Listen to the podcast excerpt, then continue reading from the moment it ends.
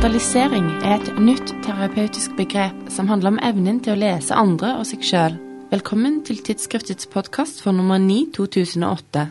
En kronikk og en bokanmeldelse i siste nummer av tidsskriftet introduserer begrepet mentalisering og forklarer nytten av mentaliseringsbasert terapi. Psykiater Finn Skårderud forklarer hva som menes med mentalisering.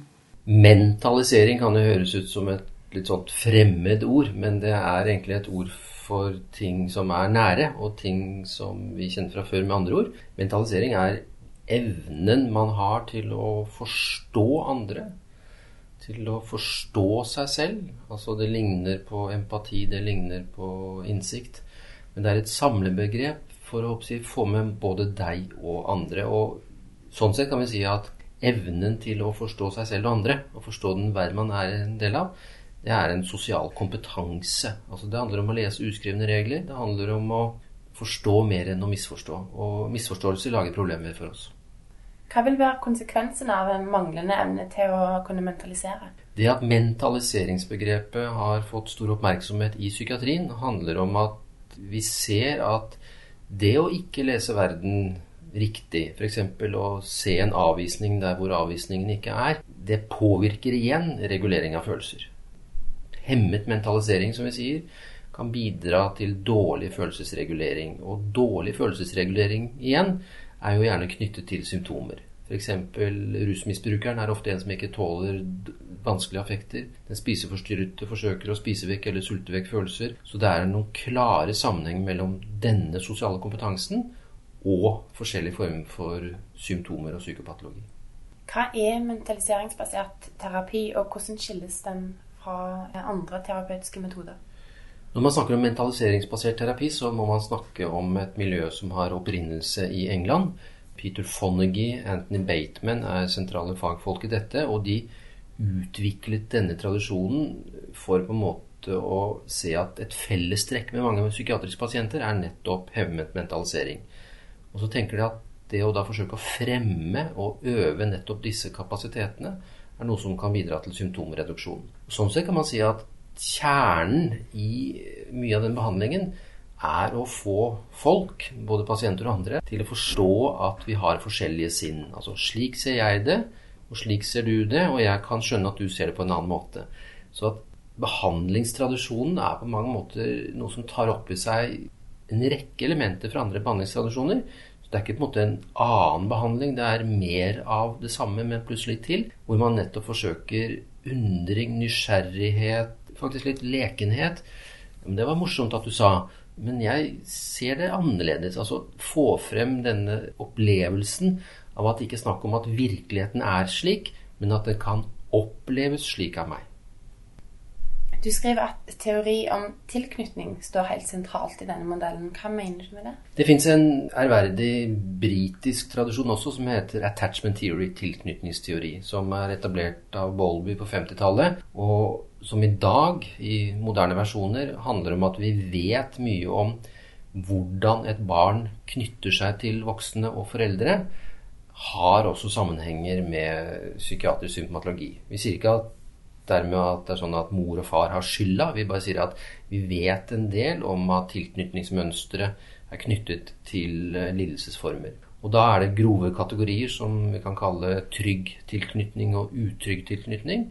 Og forskjellige former for utrygg tilknytning knytter an til evnen til å mentalisere og igjen til symptomer. Altså et barn som vokser opp i en veldig trygg verden, så kan man tenke seg at det evner etter hvert å se verden på ganske gode måter. Altså lese en selv og lese andre. Og det betyr mindre symptomer. Mens den som vokser opp i en veldig utrygg verden, er også en person som risikerer på en måte å mistolke, misforstå, lese avvisninger der hvor det ikke finnes, som igjen knyttes til dårlig følelsesregulering og symptomer. Så Sånn sett så er tilknytningsparadigmet helt sentralt i en sånn modell.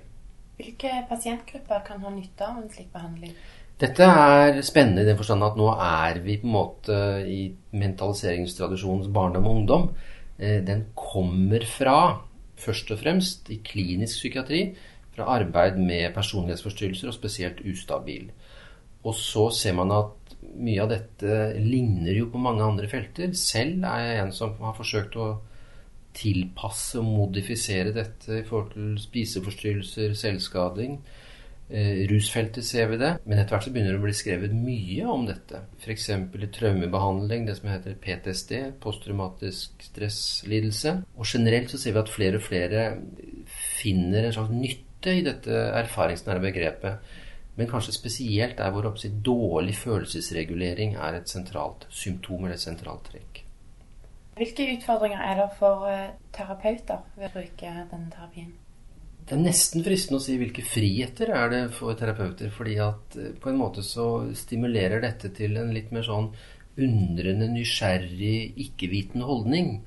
Altså Istedenfor at jeg skal forklare deg hvordan ting er, så er jeg på en måte en ekspert på å ikke være ekspert. Ja, men hvordan kan vi se det på forskjellige vis?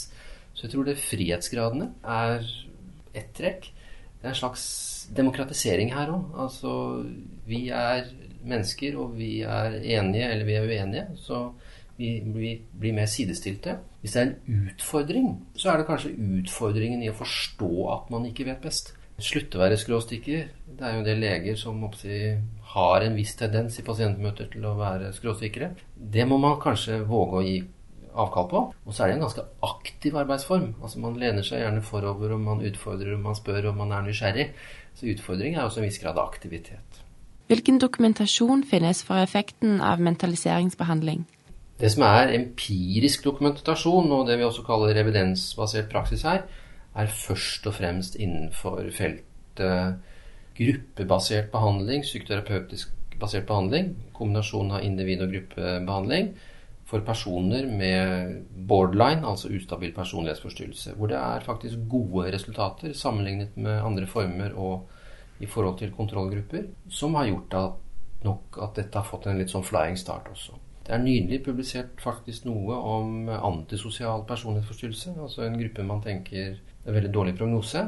Det finnes ikke enn så lenge noe særlig dokumentasjon vitenskapelig på felter som rus og spiseforstyrrelser, men det er en rekke prosjekter på gang. Og noe av interessen er nettopp at det viser seg å finnes en viss dokumentasjon innenfor personlighetsfeltet, som vanligvis oppfattes som et vanskelig felt. Det er et felt hvor man for 20-30 år siden sa at dette var pasienter uten god prognose. Og det er ikke sant lenger. Du kan lese mer om dette i kronikken 'Mentalisering et nytt teoretisk og terapeutisk begrep' og i en bokanmeldelse i siste nummer av tidsskriftet. Takk for at du hørte på tidsskriftets podkast.